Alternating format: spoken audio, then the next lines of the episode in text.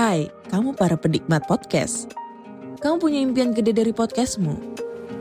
Terus First Story bisa banget bantu kamu. Mulai dari F-Link, Dynamic Audio Insertion, sampai statistik yang komprehensif. Semua ada di First Story. Gak ketinggalan kamu bisa monetisasi podcastmu lewat iklan dari First Story Ads yang bisa kasih kamu penghasilan dari setiap place podcastmu. Yuk gabung sekarang dengan klik di firststory.me. Sekali lagi, klik di firststory.me. Mari kita bawa mimpi podcastingmu menjadi kenyataan.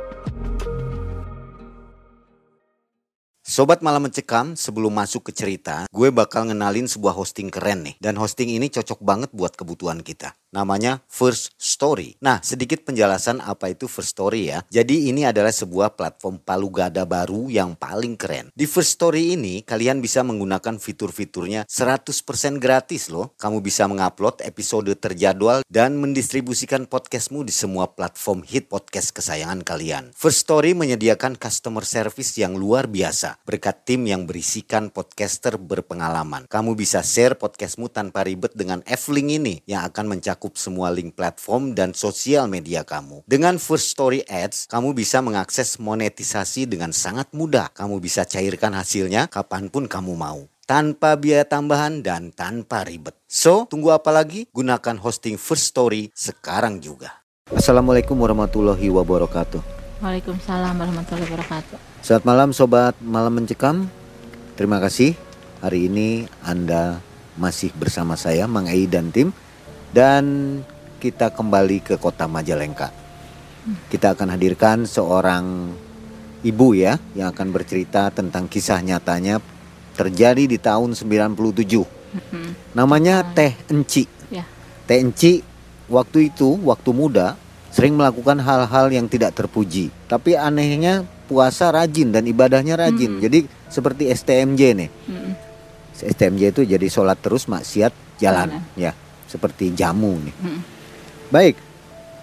Kemudian Tenchi mengalami sakit parah selama 100 hari dan kemudian mati suri Mm-mm. yang membuat Tenchi akhirnya sadar. Begitu kira-kira kisahnya ya. Ya. Kita ngobrol dulu dengan Tenchi. Apa kabar Tenchi? Ya, baik alhamdulillah. Sehat ya? Ya, Terima kasih sudah mau berbagi kisah di Malam Mencekam nih. Hmm. Tenchi usia berapa nih? sekarang usia saya 39. 39 sudah punya suami, Udah punya anak tiga. punya anak tiga ya. Oke, baik. Sobat MM, terima kasih selalu bersama kami. Kita simak sampai akhir video ini Ya, di MM. Semakin malam, semakin mencekam. Tenchi. oke.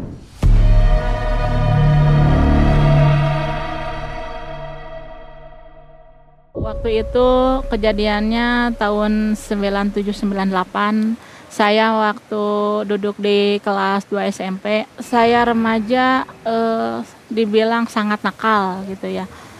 Tapi orang tua saya menginginkan anaknya itu soleh kan. Setiap orang pasti menginginkan eh, anaknya itu soleh. Nah orang tua saya itu utamanya ibu yang selalu diingatkan ke saya itu kematian. Kamu itu bakal mati. Kapan pun itu kamu itu bakal mati. Pergi ke mana pun kamu itu bakal mati. Suatu saat kamu itu pasti bakal mati. Mau umurnya berapa nggak tahu ya. Karena ibu saya itu suka ngingetin saya kematian jadi di waktu kecil seingat saya dari usia 4 tahun saya tuh suka disuruh kalau ada orang meninggal disuruh nganterin ke kuburan nak. Gitu. Eh mau jam sore mau jam pagi pokoknya selagi saya ada di rumah nggak sekolah gitu ya. Kalau ya ada yang meninggal saya pasti nganterin orang yang meninggal. Orang tua saya itu saking pingin anaknya soleh saya tuh pernah disolatin jenazah sama ibu saya selama tujuh hari tujuh malam. Eh malam-malam ya saya dimandiin gitu ah malam-malam dimandiin dibersihan udah gitu disolatin. Waktu disolatinnya saya nggak pakai kain kapan. Terus posisi tidurnya harus gini sampai pagi. Nggak boleh nggak boleh robah. Saking apa? Saking supaya saya itu soleh gitu eh setelah itu saya teh pindah rumah ke Maleber Kampung Ancol namanya. Daerah mana tuh? masih Cianjur juga dekat terminal. Nah setelah di situ kan rumahnya teh panggung rumah tua panggung. Saya sekolah masih SMP ya masih SMP kelas 2 itu. Waktu sekolah itu teman saya banyak yang ngajak minum-minum ngagele naon segala rupa lah kan mungkin kalau saya nggak ikut nakal dibilangnya nggak gaul kata teman saya teh kamu mah nggak gaul katanya gitu terus nggak diajakin ke mana-kemana nggak diajakin Sering kepak- tawuran juga. Iya sering. Ya kepaksa lah saya teh. Jadi tadinya enggak karena ada yang ngajakin ya udahlah saya jadi ikutan. Nah setelah itu kan orang tua saya mah suka ngajarin saya puasa Senin Kemis ya. Terus eh, teman saya waktu hari Kamis bilang gini, yuk kita pesta yuk cina.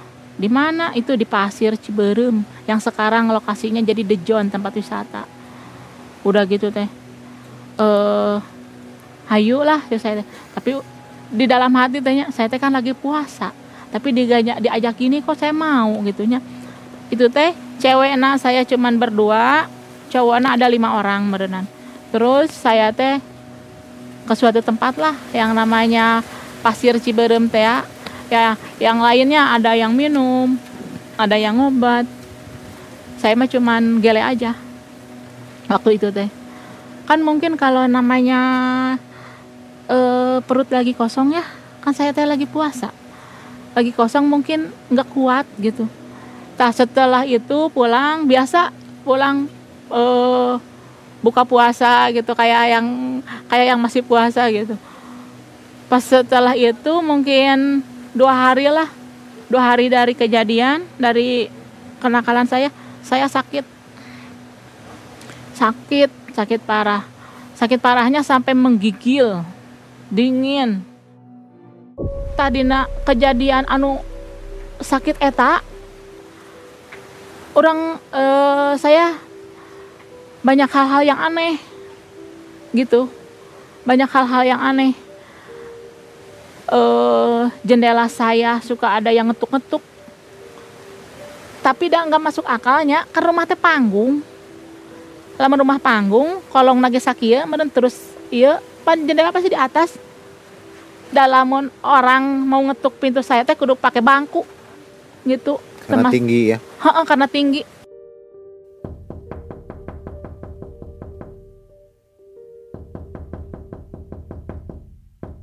Nah, setelah itu eh, saya sering kedatangan hal-hal goib gitu Pak ya. Ada nenek-nenek, terus ada eh, bapak-bapak yang ngasih keris, terus ada jenglot juga. Tah, yang nini-nini itu mah kalau datang teh suka ngasih air minum. Suka ngasih air minum ke saya teh. Nih cina, kamu minum ini ya cina, supaya kamu tuh sembuh cina. Kata nenek-nenek itu teh. Terus saya teh diminum eh. Ya bu makasih ya. Ibu ada ibu, ibu siapa sih? Kata saya tuh. Kok mm, mau ngasih minum untuk saya, nggak mau ngobatin saya. Udah kamu nggak perlu tahu cina. Itu yang pertama pokoknya aku yang ada di sini aja. Ay, udah gitu teh. Ah saya teh biasa banyak. Malam nu besokna datang lagi. Sama dia ngasih air minum juga.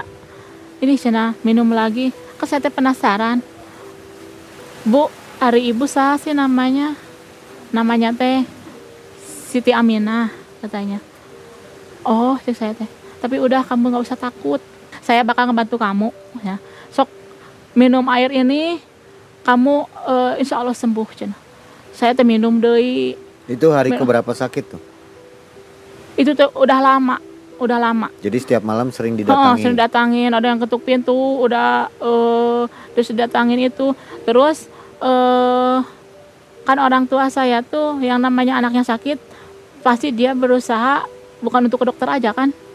Pasti ada ke paranormalnya terus minta air dari kiai. Nah di situ tuh yang pernah ada yang ngasih air itu kayak doa gitu ya istilahnya ke saya. Tapi saya teh nggak mau teh. Kalau yang ngasih teh suka saya dilempar gitu.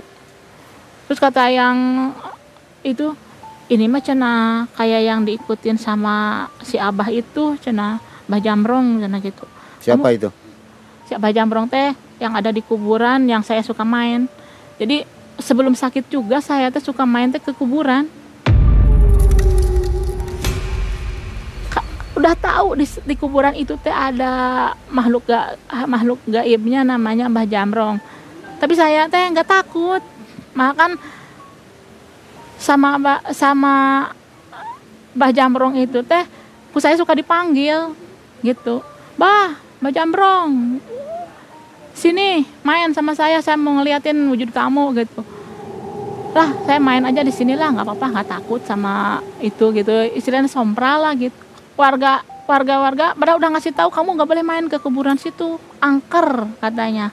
Di sana ada Mbah Jambrong kalau marah gimana? Kamu sakit gimana? Saya teh udah dikasih tahu padahal tapi dah ngeyel. Eh, maghrib maghrib orang oh, jangankan maghrib lah lohor apa jam 3 nggak ada yang berani lewat ke kuburan itu. Saya mah maghrib wae pingin jajan ke eh, lembur sebelah gitunya ke kampung sebelah. Daripada jalan jauh mendingan saya mah lewat situ aja. Ya setelah sakit eh, dikasih air minum sama bapak-bapak mungkin ada tiga orang lah yang udah ngasih saya minum. Yang pertama dia bilangnya gini kok mata kamu kayaknya nyala cina? Mata saya itu kayak kayak yang nyala. Eh kamu diikutin sama abah katanya. Gitu. Tapi saya emang serasa berat gitu tapi ah biasa nggak takut. Takutnya nggak ada saya mah. Nah udah gitu dikasih lagi air sama itu. Ya mudah-mudahan kamu sembuh ya cina. Sama air ini amin saya teh terus ya banyak lah eh hal-hal itu. Tak selama sakit saya itu kan kalau orang sakit tidur malam bisa dibilang tidur nggak tidur ya pak ya? Dibilang tidur dah enggak kan kalau siang sama juga kadang tidurnya siang malam nggak tidur gitu kan? Terus pera- perasaan saya itu ada lagi yang ngasih keris. Bapak-bapak pakai baju putih. Semuanya pakai ini putih kopiah putih. Masih katanya. Ini cina saya titipin ini buat kamu ya katanya. Kata saya "Teh, apa ini pak? Ini keris katanya. Pas saya mau ngambil dia bilang gini kamu cina nggak bisa ngambil sekarang. Kenapa? Ini harus diambilnya nanti besok jam 4 pagi katanya. Pas bangun pagi saya cerita ke, ke bapak saya pak semalam ada ada kakek-kakek datang. Mau ngapain? Cina ngasih keris ke saya ngasih keris terus kamu ambil nggak? Enggak udah disuruhnya nanti jam 4 jam 4 pagi kamu boleh diambil ini keris di bawah pohon kelapa. Kebetulan di rumah saya itu di sampingnya ada pohon kelapa jangan kurang jangan lebih. Kamu harus pas. Am, bisa ambil keris ini. Ini buat kamu katanya. Kata bapak saya bilang apa? Nggak boleh nggak boleh. Kamu nggak boleh nggak boleh yang mistis-mistis. Kamu nggak boleh. Nanti bakal ada orang yang ingin nyoba kamu. Pesan bapak saya itu kayak gitu. Nanti kalau kamu eh, punya yang gituan nanti bakal ada yang pengen nyoba kamu hal-hal gaib katanya terus bakal banyak yang ngikutin kamu lah istilahnya kayak gitu. Oh gitu ya? Iya. Tapi dak meskipun orang tua saya bilang kayak gitu ya saya tetap aja kan nakal gitunya. Ah nah, setelah itu ada lagi eh, apa jenglot di depan rumah di depan rumah ada tangka salam. Kata saya teh gini pak itu di depan rumah kok ada orang kecil. Sejengkal kata saya teh. Di mana itu di, di, di pohon tangka salam kata saya teh. Kan bapak saya teh istilahnya sedikit bisa ya bisa tahu hal-hal yang gituan gitu. Mungkin itu mah sama bapak saya nggak tahu lah diambil apa gimana saya nggak tahu ya. Nah setelah itu eh kan saya masih sakit. Waktu sakitnya itu pas yang 100 hari lah yang terakhir 100 hari saya ngerasain sakit ini dari kaki.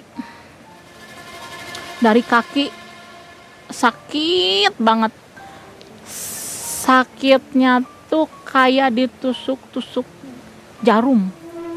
Sakit pokoknya. Saking sakitnya saya teriak-teriak. Saking sakitnya. Terus uh, dari kaki nih naik ke ke atas ke lutut. Sampai di lutut sakitnya sama.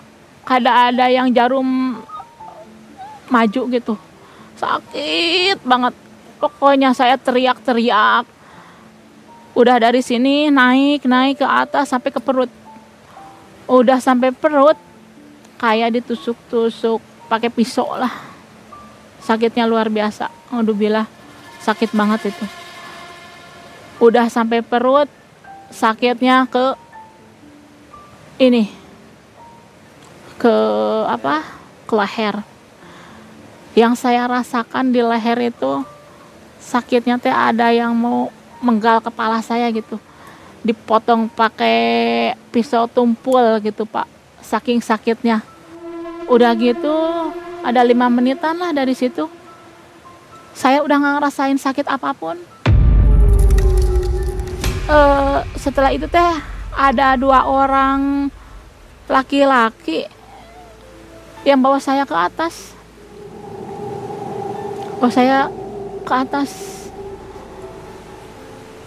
Saya serasa terbang tapi nggak ngerasain anginnya nggak ada tapi terbang gitu sama sama laki-laki yang dua ini. Pakai baju putih pakai kopiah putih. Saya nggak bisa ngomong tapi hati saya selalu hati saya berkata gini saya teh mau dibawa ke mana? Setelah itu saya ditarik ke atas. Di sana ada banyak orang kurang lebih ada 20 orang. Pakai jubah semua warna putih.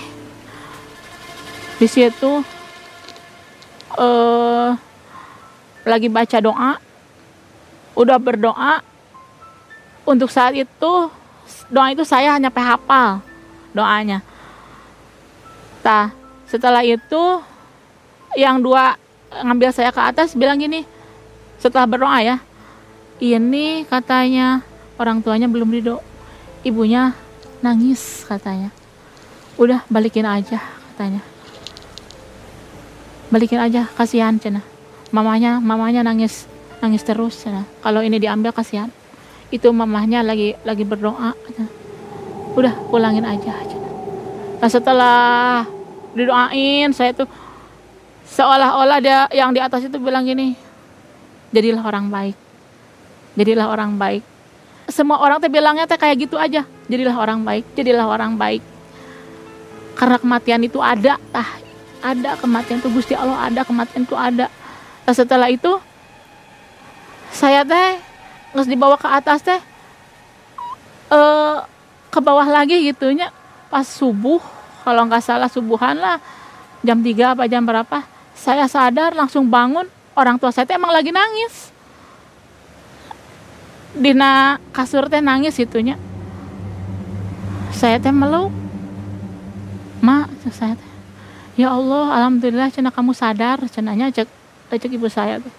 Ya mak cek saya dibawa ke langit cek dibawa ke langit mm saya teh terus di langit eh naon cina ada apa di langit?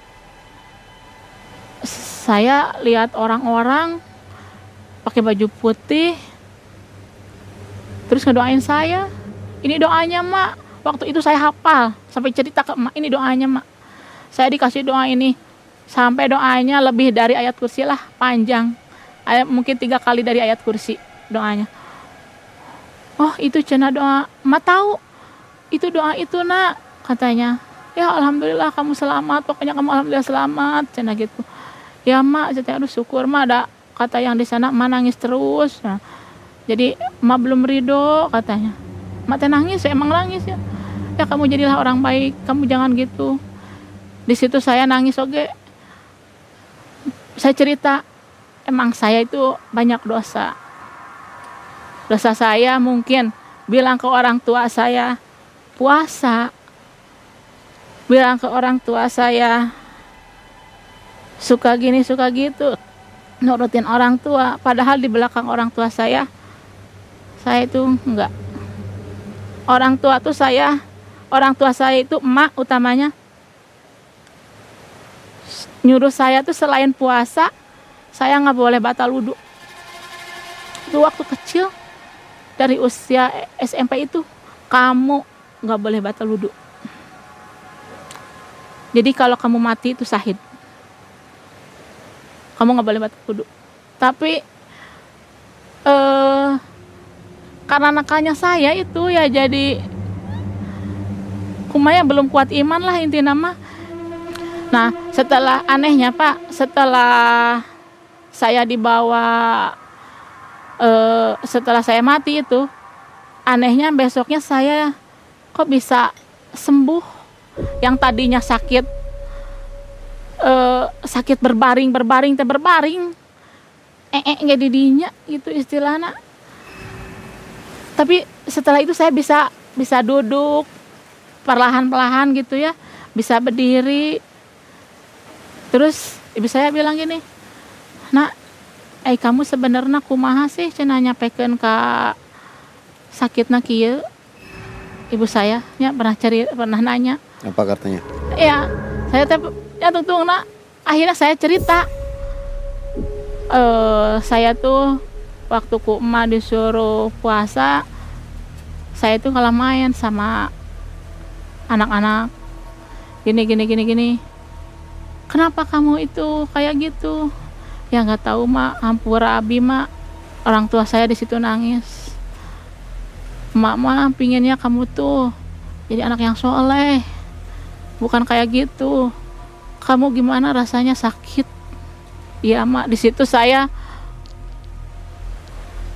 buk, baru sadar gitu ya. Setelah itu bapak saya cerita kamu cenah sakit udah 100 hari lebih kamu tuh udah dinyatakan meninggal. Gitu bapak teh. Cuman te hente nggak nggak detail ngobrol bla bla bla bla si mama nangis terus. Cina kamu sakit teh. Mesti bisa kata-kata cina mesti bisa di iya kan cuman saya bapak mah tak apalen saya dibawa ke di itu teh pas saya tuh cerita ke bapak. Cuman ceritanya ke ibu doang. Mungkin itu kematian kemat, mati suri saya teh teguran dari Allah. Karena selain nakal itu saya tuh kan ya suka nyakitin orang lah intinya. Banyak yang saya sakitin di antaranya saya suka tawuran, suka malak, tapi punya geng gitu malak juga geng. Nggak nggak sendirian sih ada gengnya dulu mah gitu. Punya geng-gengan. Mungkin itu teguran buat saya. Itu yang membuat saya sadar akhirnya. Padahal orang tua saya selalu ngingetin saya kamu itu harus sadar. Kamu itu harus soleh. Ya tapi mungkin kalau yang namanya nakal itu apa? Nakal ke bawah lingkungan jadi susah ya pak ya. Itu pak. Jadi utamanya saya ke bawah lingkungan lah. Intinya namanya intinya mah kayak gitu. Berapa lama waktu dibawa ke langit Perasaan berapa lama? Itu teh kejadiannya saya sakit setelah Isa jam sembilanan lah. Jam sembilan jam hampir hampir jam 9 ya sekitar jam 10-an jam 10 malam pan ngerasain sakit nanti pak. Aduh ya Allah agak lama. Oke ente aina sakit dia sak langsung untuk itu. Sakit hula kaki. Sakit sakit banget Seperti sakaratul maut gitu. Apa iya? mungkin dari Lu- luar biasa sakit. ya luar biasa sangat sama melahir saya kan sekarang udah melahirkan ya sama melahirkan itu nggak ada apa-apanya nggak jadi menurut saya kalau yang namanya dicabut nyawa itu sakitnya sangat luar biasa kalau orang lain kan cuman dibandingkan sama lahir ya sama lahiran gitu sama melahirkan anak itu sebenarnya enggak enggak. Yang saya alamin enggak. Lebih sakit dari itu. Gimana rasanya bapak coba perut ditusuk sama pisau? Leher di dipotong sama eh, golok tumpul lah pisau tumpul gitu. Gimana rasanya? Nggak bisa diungkapin kan? Gitu. Terus sebelum sakit kan di rumah saya emang banyak kejadian yang aneh-aneh ya kadang-kadang saya suka tidur jam satu malam.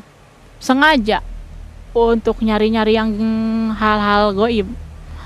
Suka manggil-manggil arwah-arwah gitu. Ya termasuk abah tadi yang ada di kuburan. Bejamrong terus eh nyampe Nyi Roro Kidul. Pokoknya banyaklah hal yang heeh, macan putih banyak yang saya panggil gitu yang di sekitar sana. Mungkin itu setelah mati suri? Sebelum. Sebelum mati suri sebelum memang mati suri. sudah bisa? Uh, saya saya nggak bisa. Cuman uh, ada teman saya yang di luar sekolah ya. Dia itu lulusan pesantren punya irakan 6 uh, dia bisa manggil-manggil gitu. Bisa manggil-manggil siapa sih yang kamu siapa yang kamu uh, yang mau kamu panggil? Kalau tensi sih nggak bisa? Nggak. Setelah mati suri apa yang didapat? Yang maksudnya yang didapat apa? Hikmah dari saya cuman doa aja yang saya saya dapat doa dari yang di atas saya. Biasanya orang setelah mati suri itu selalu di dikasih oleh-oleh ya istilahnya. Mm-mm. Bisa melihat anu, bisa mengobati orang sakit. Tah, Tenchi dapat apa? kalau untuk mengobati saya enggak eh tapi suka ngelihat mah iya suka ngelihat yang goib goib Penampakan ya? terus saya suka ditemenin sama eh nggak tahu siapa saya sering ditemenin contoh kecil sebelum menikah dulu ya. Sebelum menikah saya ceritanya main ke Lampegan. Tahu nggak terowongan Lampegan yang di Sukabumi? Di situ kan oh angker. Angker banget. Di situ saya eh, bukan main lah istilahnya lagi kerja juga sih. Lagi kerja eh, di sales. Kan kalau orang di sales nyari kampung terus saya nanyain ke ke ke seseorang bu saya mau tanya kalau ke kampung itu ada itu nggak? Ada ada kampung nggak? Ada orangnya nggak? Oh ada banyak katanya. Terus saya ke sana masuk ke gunung. Ternyata namanya gunung nggak ada orang. Nggak ada orang sama sekali. Wah ini orang katanya. Di sini banyak orang tapi kok nggak ada orang? Pas saya masuk ke gunung itu sekitar jam 3 sampai jam 7 malam di gunung saya nggak nemuin orang pas di tengah-tengah gunung ada orang lah. Ada orang segede eh umur apa berapa ya? SMP-an lah. SMP kelas 3 lah. Agak dewasa SMA mungkin. Anehnya itu orang itu bawa tongkat sama bawa bawa baju. Baju nate dina samping samping digelar terus di- dibuntal teh pak. Apa sih? Dibuntal terus pak di tongkat terus di diginiin bajunya di tengah-tengah gunung saya ketemu orang itu. Dik saya teh Aa kok bisa ketemu eh, Aa dari mana? Iya di gunung kia kok eh jelema gitunya aneh ah di mana? Udah jangan banyak nanya teteh di mana? Atau kok malam-malam ada di sini? Can. saya teh nyasar saya teh lagi lagi promosi barang tapi kok jadi kadiu cek saya teh.